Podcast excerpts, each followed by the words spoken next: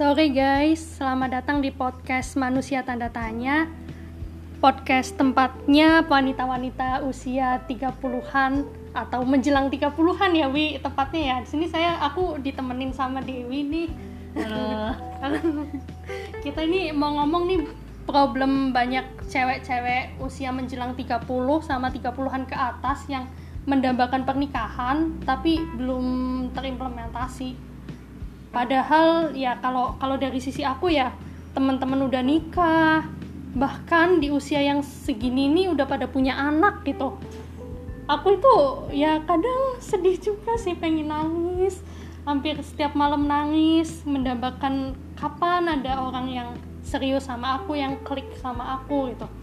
Ya cuma namanya takdir ya nggak bisa nggak bisa di percepat atau bagaimana ya masa kita tahu-tahu punya anak gitu nggak lucu kan wi ya terus kita ini nih aku mau tanya nih sama Dewi wi kamu gimana wi kalau kan tadi udah nih wi udah Hmm. cerita nih Mm-mm. kalau kamu kan udah 30 nih wi Iya. nah. sorry sorry ya wi maaf. Makasih loh udah udah uh, apa namanya ngingetin umur aku.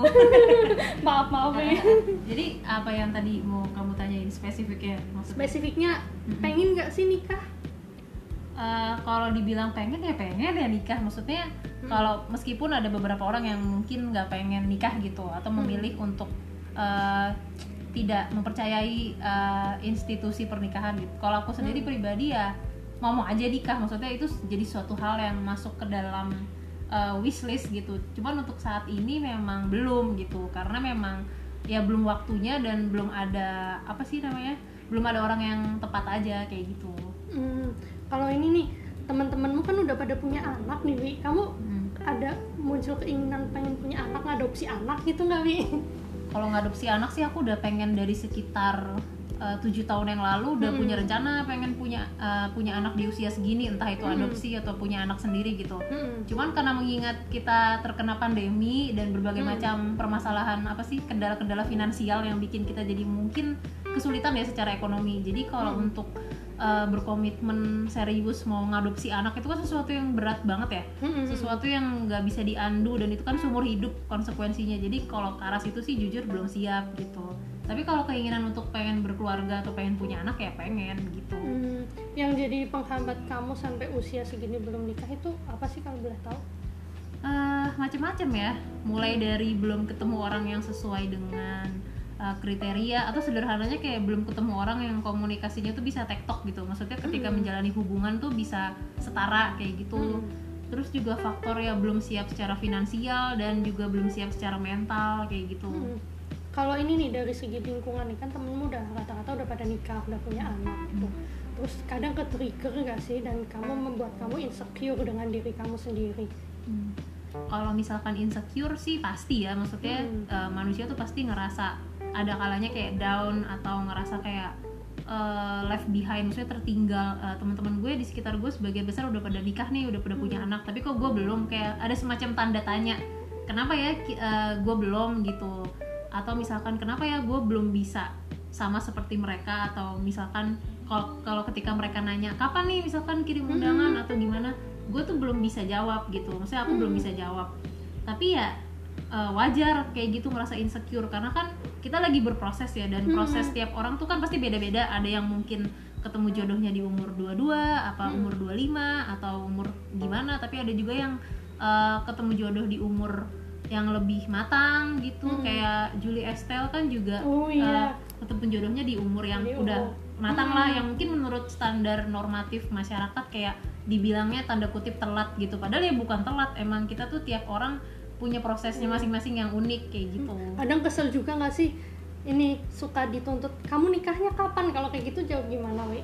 Kalau aku sih eh, kesel banget ya. Pertama Hmm. itu pertanyaan yang tidak sopan yang tidak Hmm. seharusnya ditanyakan. Kedua kebanyakan orang nanya kayak gitu tuh maksa. Jadi nanyanya nggak Hmm. cuma sekali dua kali tapi berkali-kali gitu. Kalau udah kayak gitu sih aku biasanya jawab kayak doain aja. Tapi kalau setelah aku Hmm. bilang doain aja dia masih maksa nanya Hmm. ya aku akan bercandain atau kayak pancing kayak emang lu mau bayarin gue nikah Hmm, gitu jadi kayak that's ditantangin right. balik iya betul Iya. supaya mereka nggak gangguin lagi lah Ah, gitu nggak cuma itu aja wi kadang kejadiannya itu banyak yang nggak nggak cuma nge memaksa kita untuk menikah tapi memaksa kita untuk setara dengan mereka Hmm. iya nggak Hmm. di usia 26 tahun 27 tahun kok usia segini belum nikah nikah Hmm, hmm, hmm. dan image stigma perawan tua itu terkadang melekat di kita nggak sih Hmm, hmm, hmm, hmm. iya ya ketika kita tinggal di Indonesia itu pasti Mm-mm. melekat ya maksudnya mengingat ada ketimpangan kayak aku kemarin habis diceritain ibunya temanku dia tuh disuruh Mm. nikah eh, di kampung tuh di usia 12 tahun pokoknya Mm. selesai lulus SD tuh langsung disuruh nikah gitu sementara Mm. dia nggak mau tapi akhirnya berhasil juga menikah di umur 16 tahun yang mungkin untuk masa itu tuh udah cukup umur. Tapi kalau Mm. untuk di masa sekarang kan itu sangat sangat sangat. dini ya ya Mm. sangat prematur kayak gitu. Hmm, sebenarnya kita nggak ini sih ya nggak iri sama mereka yang udah menikah duluan ya nggak. Ya biarin aja mereka nikah duluan. Kita juga ikut bahagia ya kalau mereka sudah berkeluarga. Tapi toh dengan bahagianya mereka jangan malah membuat kita sedih ibaratnya intinya membuat kita sedih itu memaksa kita untuk seperti mereka. Kan kebahagiaan orang itu berbeda-beda ya wi. Mm, mm, mm, mm. ada yang dengan oh oke mereka menikah bahagia. Ada yang dengan prestasi sebenarnya kita kita berprestasi dulu. Hmm. akhirnya kita bahagia. Ada yang dengan ama- segala macam kebahagiaan itu nggak nggak diukur dari pernikahan. Mm, mm, mm, mm, betul. Hmm, gitu nah terus sebenarnya pernah nggak sih trauma pernah mengalami trauma mengenai pernikahan kalau trauma soal pernikahan ada banget ya karena orang tuaku tuh kan juga pernikahannya maksudnya nggak lancar aku ini anak broken home gitu dan Mm-mm. itu membawa banyak sekali dampak yang cukup negatif eh, kalau misalkan dipikir-pikir karena kan pasti kalau sebagai anak broken home tuh ngeliat orang tua mungkin yang setiap hari berantem atau bahkan ada yang jadi korban KDRT gitu mereka kan pasti Hmm. akan berpikir dua tiga kali bahkan lebih kalau mau nikah karena nggak mau trauma itu terulang gitu nah aku sendiri berusaha untuk eh, sembuh dari trauma itu dan itu butuh waktu yang butuh waktu gitu Butuh butuh waktu. proses ya jadi nggak bisa langsung instan gitu jadi mungkin ketika orang lain membandingkan hidup mereka dengan aku ya jelas beda karena mereka Hmm. mungkin nggak punya trauma yang sama. Jadi mereka nggak Hmm. harus menyembuhkan diri mereka sendiri pertama. Yang kedua mungkin mereka memang sama Tuhan ditakdirkan untuk ya udah ini udah dikasih nih pasangannya di depan mata. Jadi tinggal Hmm. langsung uh, berkomitmen. Tapi kan kalau di kasus aku memang nggak bisa gitu. Ketika Hmm. emang belum dikasih ya udah nggak bisa dipercepat atau diperlambat gitu.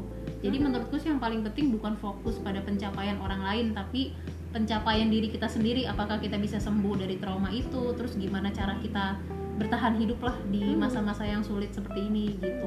Trauma itu tuh yang terkadang itu perlu disembuhkan ya wi.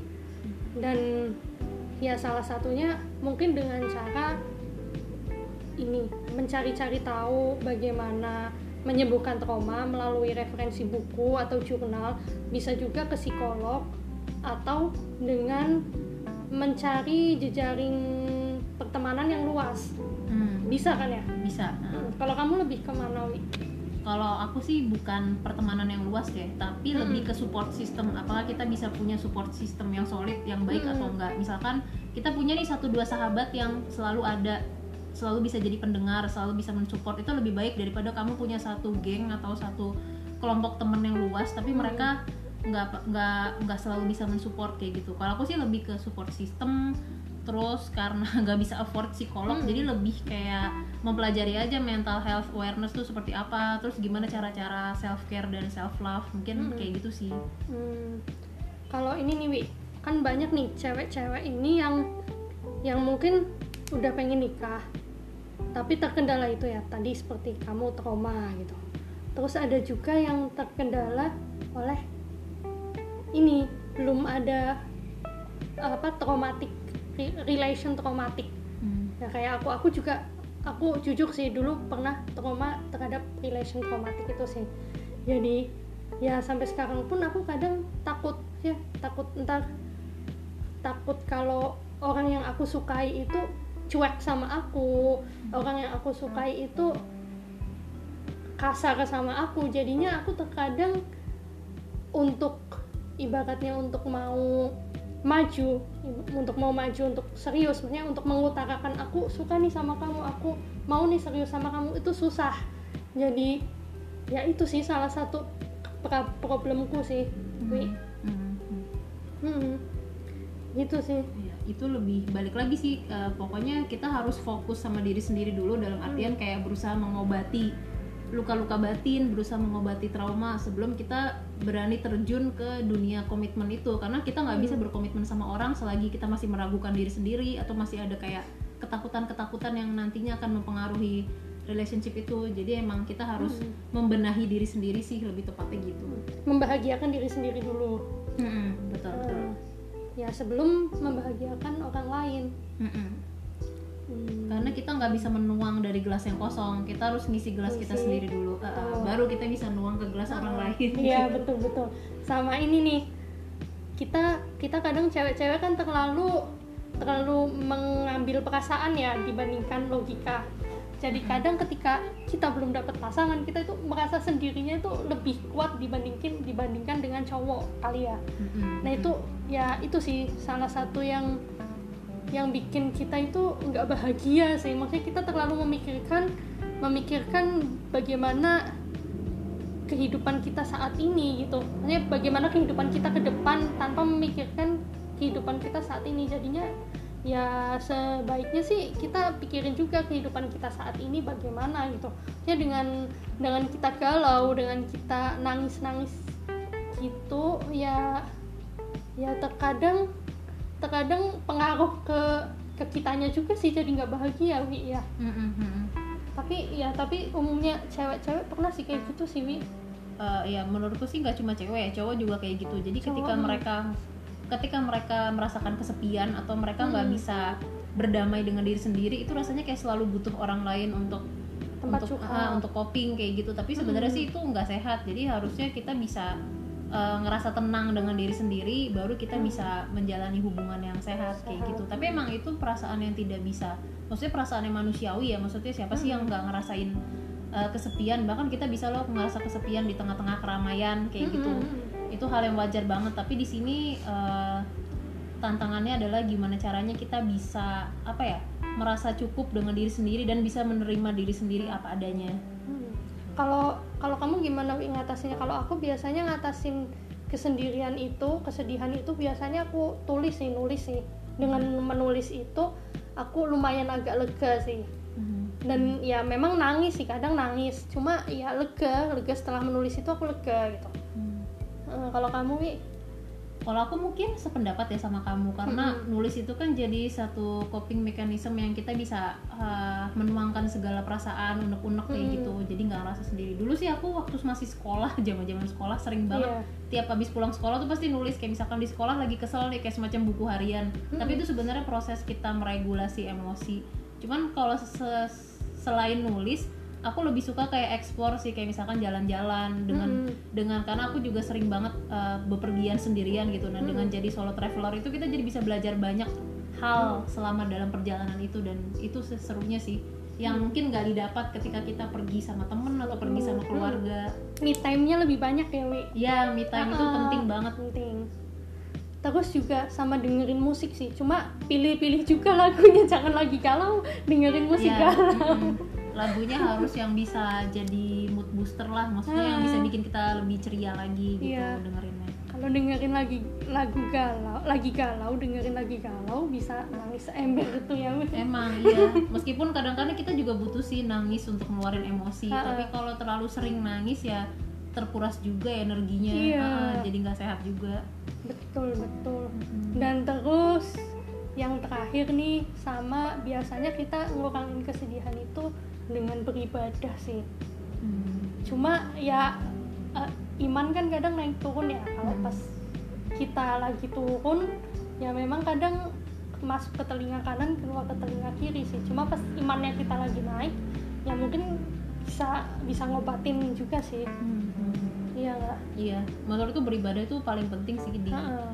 eh, di segala perasaan, maksudnya di segala kondisi kita. Mau lagi seneng, mau lagi sedih, mau lagi marah, pokoknya ibadah tuh jadi salah satu eh, aspek yang paling utama lah yang nggak bisa ditinggal. Tapi mungkin buat teman-teman yang nggak sependapat, mungkin bisa nyoba kayak semacam meditasi atau yoga, pokoknya eh, hal-hal yang bisa bikin kita stay grounded dan lebih lebih relax kayak gitu, lebih kaitannya ke spiritual, tapi bisa dengan cara apa aja gitu.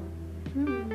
oke thank you Dewi Iya, sama-sama, Tami. dadah sampai ketemu di, di podcast episode selanjutnya.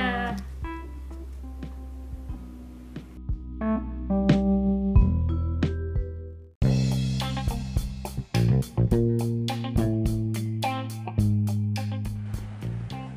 Halo, selamat siang teman-teman tanda tanya. Selamat siang teman-teman manusia tanda tanya. Apa kabarnya? Ini malam minggu ya. Bagi para jomblo jangan sedih ya.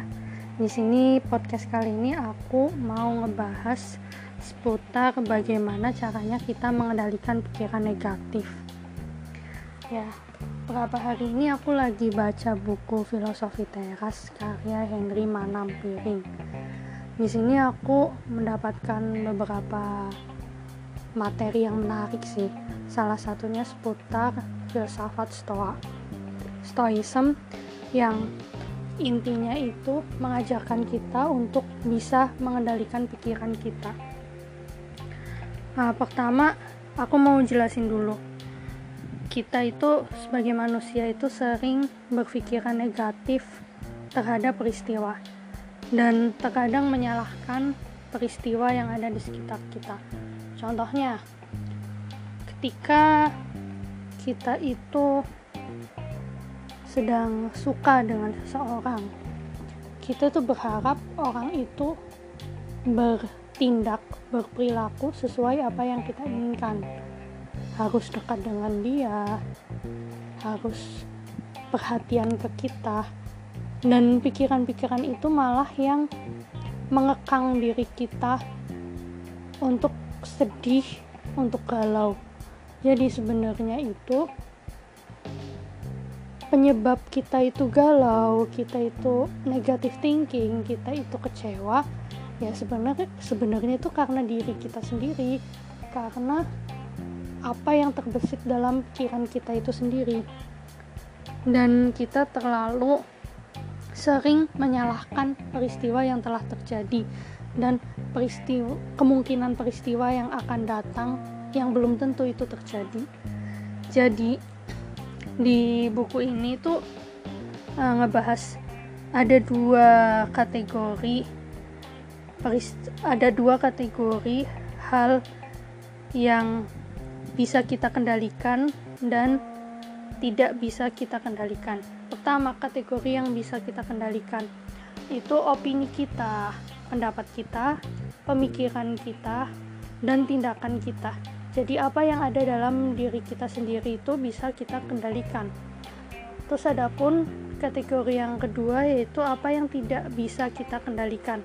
Contohnya itu seperti kekayaan, kesehatan, dan opini atau pikiran orang lain. Kenapa sih itu nggak bisa kita kendalikan? Karena kekayaan contohnya. Kita bisa ya mengendalikan untuk mencapai kekayaan itu. Kita bekerja keras supaya kita menghasilkan banyak uang. Tetapi ketika kita di PHK dari sebuah perusahaan atau uang kita uang kita habis kita kena tipu nah itu kekayaan itu akan hilang terus begitu pula kesehatan. Kesehatan itu kita oke okay lah kita menjaga kesehatan. Itu itu dalam kendali kita ya. Kita berolahraga kita makanan mengonsumsi makanan sehat untuk kesehatan kita.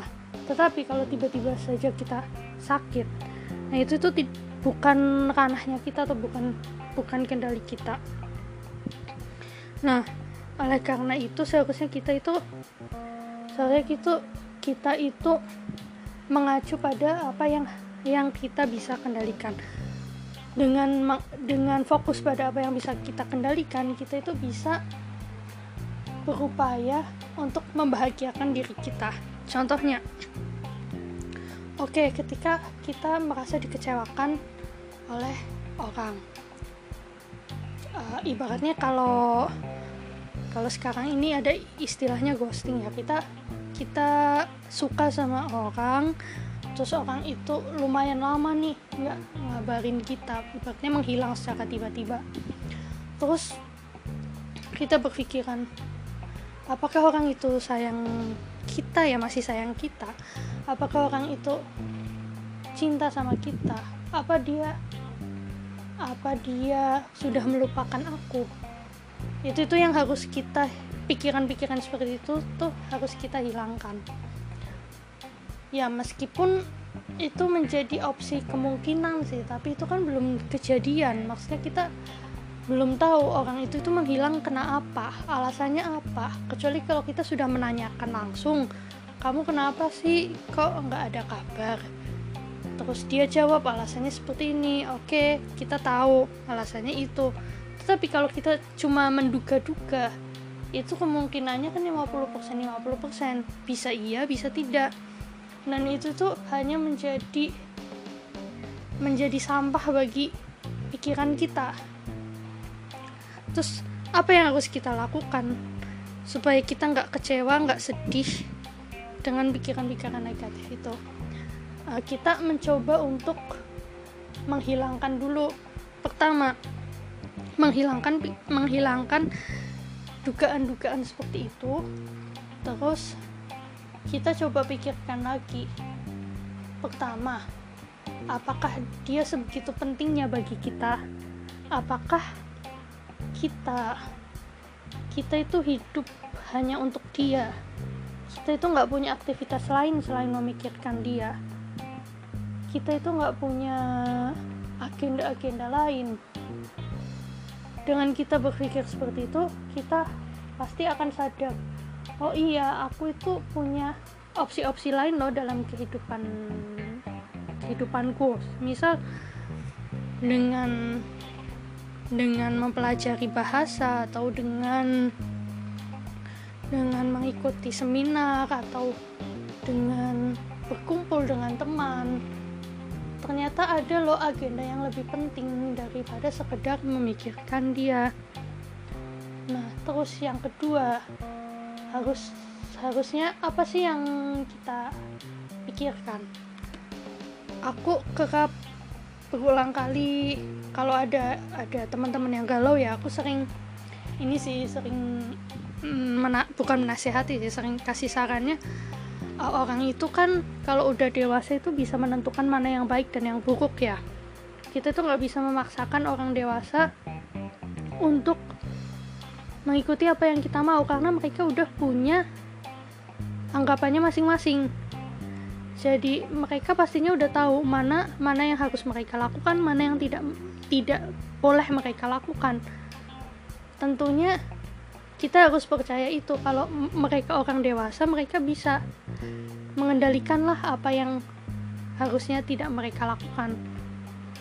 Dengan itu tuh kita bisa menjadi tenang sih maksudnya oh sesama orang dewasa pasti mengetahui apa yang seharusnya dilakukan. Orang dewasa pasti tahu mana sih yang uh, mana mana tindakan yang bisa menyakiti mana tindakan yang nggak bisa menyakiti yang yang nggak menyakiti. Nggak perlu kita ajarin oh kamu kayak gini tuh sama jangan nyakitin aku. Nggak perlu mereka udah dewasa mereka udah tahu mana yang nyakitin mana yang tidak menyakitkan. Nggak perlu lah nggak perlu nggak perlu kita ngajarin mereka mereka udah tahu. Nah yang kita pikirkan sebagai orang dewasa ya kita seharusnya itu ya begitu. Maksudnya uh, beranggapan oh kalau kalau dengan dengan memikirkan dia yang nggak tahu alasannya kenapa itu tuh sama aja sama aja tuh kita kita itu mengontrol orang gitu. Terus yang ketiga yang persepsi ketiga itu yang harus kita lakukan itu kita jangan fokus ke dianya tapi cari solusinya. Karena dalam kehidupan itu ada beberapa opsi. Contohnya saja ketika kita ini ini uh, agak melenceng ya bukan kalau aku menganggap persoalan cinta menge, mengejar cinta itu sama aja mengejar pekerjaan. Anggaplah mengejar pekerjaan ya mengejar pekerjaan itu kita kan juga punya opsi. Kita melamar ke beberapa ke beberapa perusahaan. Kalau ibaratnya belum diterima di sebuah perusahaan belum jadi karyawan di sebuah perusahaan kita belum tanda tangan kontrak atau kita belum perjanjian ada perjanjian tertulis itu kita bisa mencari mencari perusahaan lain kan. Maksudnya bisa melamar di perusahaan lain dengan itu tuh ya kita seharusnya bisa cari solusinya untuk opsi-opsi yang yang beberapa kemungkinan yang yang yang bisa terjadi. Gitu jadi ya ketika ketika orang itu di ghosting sama pasangannya ya sebaiknya kita itu juga cari opsi lain dengan memperbanyak jaringan pertemanan terus men menambah opsi pasangan lain. Ibaratnya gimana ya kayak uh, cari cari cadangan cadangan juga gitu. Mencari cadangan. Jadi nggak terfokus pada aspek salah satu aspek saja gitu nah ini kalau di buku ini sih Epictetus seorang filsuf dari Yunani Epictetus itu um, mengajarkan kita itu ketika kita benar-benar lagi ada di zona tidak nyaman di zona di mana pikiran-pikiran kita itu negatif yang pertama itu kita harus bisa menyetop pikiran negatif itu ya memang susah sih. Tapi caranya itu dengan kita berpikir mulai berpikir. Mulai berpikir peristiwa itu peristiwa itu apa sih? Uh, setiap peristiwa itu pasti ada kalau di agama itu pasti ada hikmahnya. Nah kalau kalau menurut Epictetus ini kita itu harus berpikir apa yang apa yang harus kita lakukan. Dan kita mengkategorikan ini bisa kita kendalikan atau tidak bisa kendalikan. Kemudian setelah kita mengkategorikan itu kita melakukan respon. Contohnya saja nih contohnya saja saat kita menemui kemacetan di jalan pasti kita bete banget. Kita udah aduh mukanya udah udah nggak enak banget gitu. Tapi kita perlu merespon merespon itu. Meresponnya gimana? Uh, oh dengan macet ini aku jadi bisa ada waktu untuk baca buku gitu. Jadi ya lumayan sih nambah beberapa halaman halaman lagi gitu. Terus ada ada juga yang cari solusinya itu dengan oh uh, macet ini aku jadi bisa istirahat di mobil sebentar gitu. Jadi bisa minum jadi bisa makan. Lumayan lah waktu sebentar gitu. Itu sih terus uh, dikaitin dengan hubungan asmara ya. Oh dikaitin sama hubungan asmara. Ya itu seperti tadi dalam kondisi apa pun kita jangan sampai menyalahkan kondisinya. Jadi uh, tetapi jangan juga terlalu positif thinking juga sih. Maksudnya jangan oh berarti kalau dia dia menghilang ya mungkin dia emang lagi sibuk kerja mungkin dia lagi ada urusan penting gitu. Tapi kita juga memikirkan opsi negatifnya juga jadinya kita bisa apa ibaratnya bisa ada kemungkinan yang kita atasin gitu.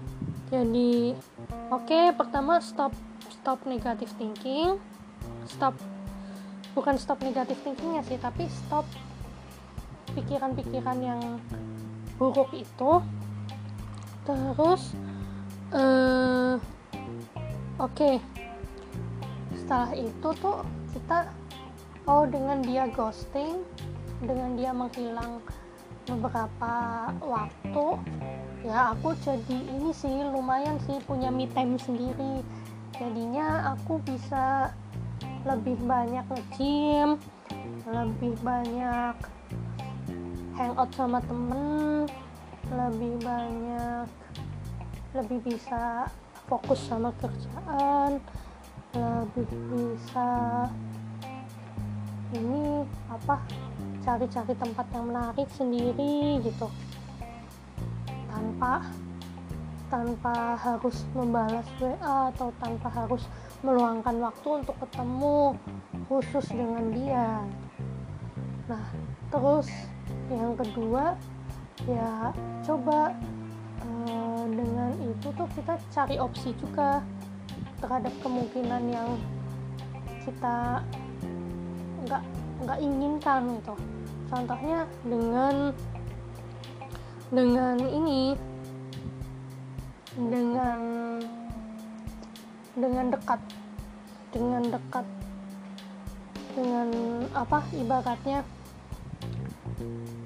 Dengan mencoba kalau kalau orang kalau kalau orang ini udah ada rencana untuk menikah ya dengan coba mengikuti seminar-seminar seminar-seminar pernikahan. Dengan mencoba ta'aruf. Dengan berkomunikasi terhadap teman kalau ini cewek berkomunikasi dengan teman cowok. Kalau cowok bisa berkomunikasi dengan teman cewek tentunya masih single ya. Karena kemungkinan-kemungkinan itu ya karena belum kejadian kemungkinan-kemungkinan apa saja itu bisa bisa terjadi gitu kan. Ya kita sih berharapnya yang membahagiakan diri kita tapi kita juga harus punya ibaratnya punya cadangan. Eh ibaratnya pertandingan sepak bola aja itu ada pemain cadangan kan. Meskipun pemain cadangan itu nggak mesti semuanya diturunkan tapi kita juga harus harus punya cadangan. Jadi nggak fokus ke satu opsional saja. Begitu. Cuma memang susah sih ya maksudnya kalau udah bucin kalau udah kita udah pikirannya ke orang itu itu aja ya memang memang susah sih mengendalikan pikiran sih. Memang susah. Tapi ya dilatih pelan-pelan aja. Dan yang aku ingat dari sebuah kalimat kalimat atau sebuah pepatah apa yang ditakdirkan untuk kamu itu akan menjadi milikmu.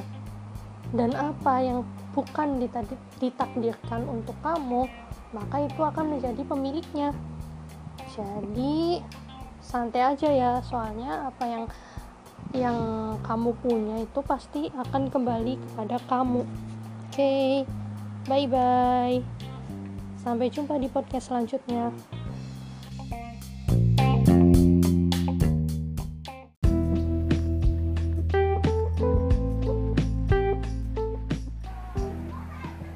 selamat sore manusia tanda tanya.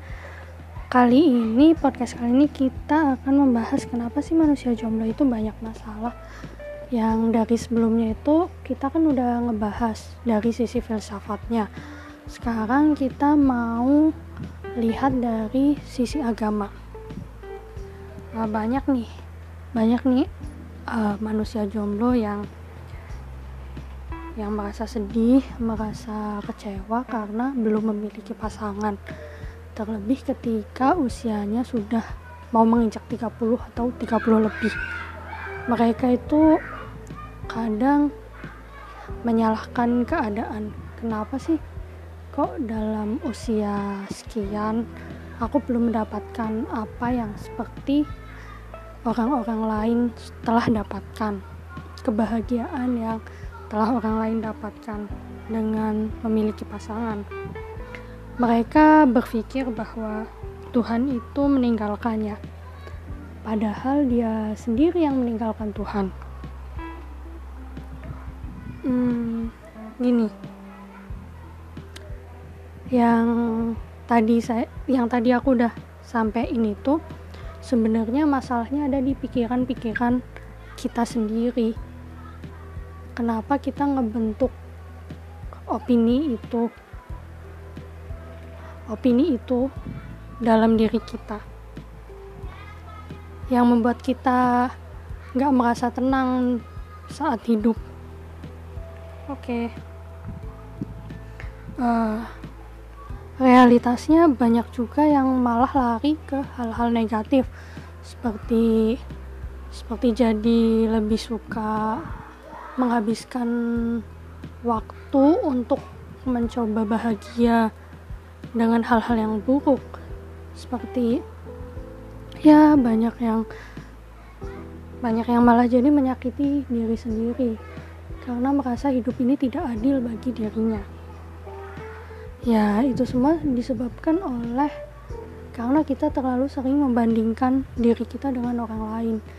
Ya memang sih maksudnya kalau kita bercermin bercermin dengan cermin yang lainnya kita pasti melihat kalau ada banyak hal lebih indah dibandingkan apa yang kita miliki saat ini banyak hal yang nggak belum bisa kita capai saat ini ya karena kita terlalu memandang up, kebahagiaan orang lain dibandingkan kebahagiaan diri kita sendiri ya oke okay.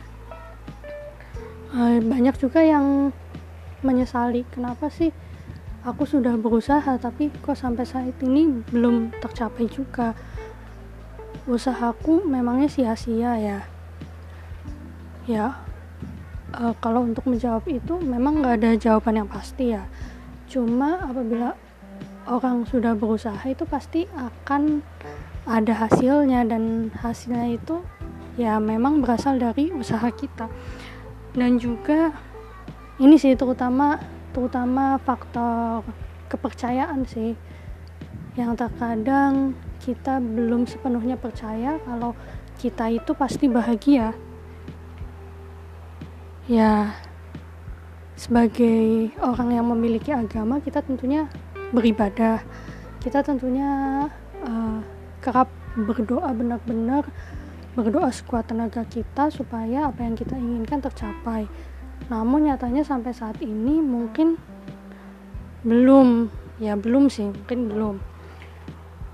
Dari situ ya mungkin kita jadi berpikiran kenapa sih kok seperti ini? Ya padahal itu ketika kita berdoa itu ada tiga hal yang perlu diketahui. Pertama doa itu bisa langsung aja dikabulkan. Bisa juga doa itu depending ibaratnya nggak untuk sekarang loh ada jangka waktunya. Mungkin beberapa bulan kemudian mungkin beberapa minggu setelahnya mungkin dalam kisaran tahun mungkin dalam kisaran bulan mungkin dalam kisaran hari mungkin dalam kisaran satu minggu dua minggu setelah itu gitu. Namun ada juga eh, Tuhan itu mengabulkan doa kita tidak di dunia tetapi di akhirat. Jadi ya pastinya kita kan ada fase di mana kita nggak hidup di dunia ini terus kan bisa juga apa yang kita inginkan itu dipenuhi saat kita sudah tidak ada di dunia. Itu hmm, terus ini sih uh, dari beberapa hari yang lalu atau semingguan yang lalu aku pernah mendengarkan ceramahnya Ustadz Nuzul Fikri itu mengenai ini sih kesabaran sih eh, dan ujian. Kenapa sih manusia itu diberikan ujian? Ya ujian ya berbagai macam ujian itu baik itu orang yang beriman maupun orang yang tidak beriman kenapa diberikan ujian? Ya karena memang tempatnya tempatnya di bumi itu memang tempat sementara bukan tempat yang abadi. Berarti kita ini di di bumi itu cuma transit. Jadi pasti pasti ada masa di mana kita ini ditarik dari bumi ini dan dan harus mempertanggungjawabkan perbuatan apa yang kita lakukan di sini jadi ya memang manusia beriman manusia tidak beriman sama-sama sama-sama diberikan ujian. Cuma bedanya kalau setangkapnya aku nih kalau manusia yang beriman itu manusia beriman diberikan cobaan itu untuk meningkatkan derajatnya. Uh, ya untuk menghapus dosa-dosa yang pernah dilakukan sebelumnya. Jadi ya positif thinkingnya ketika kita diberikan ujian itu ya itu untuk menghapus dosa-dosa yang pernah kita lakukan. Untuk supaya kita bisa lebih baik lagi kita belajar dari kesalahan kita sebelumnya. Gitu.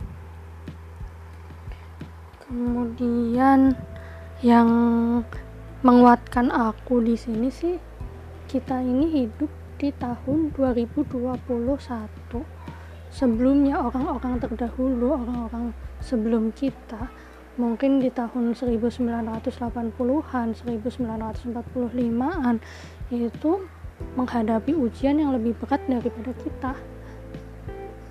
Ya tentunya mereka itu lebih berat daripada kita. Ya kita uh, kalau yang aku pikirkan ya untuk menguatkan diri sendiri aku nih hidup hidup di tahun 2021 tentunya. Ke depannya itu banyak kemudahan kemudahan yang aku dapatkan di tahun 2021 dibandingkan ketika seandainya aku hidup di tahun sebelum-sebelum ini. Yang mungkin lebih banyak lagi ujiannya cobaannya gitu. Oke. Ya itu saja.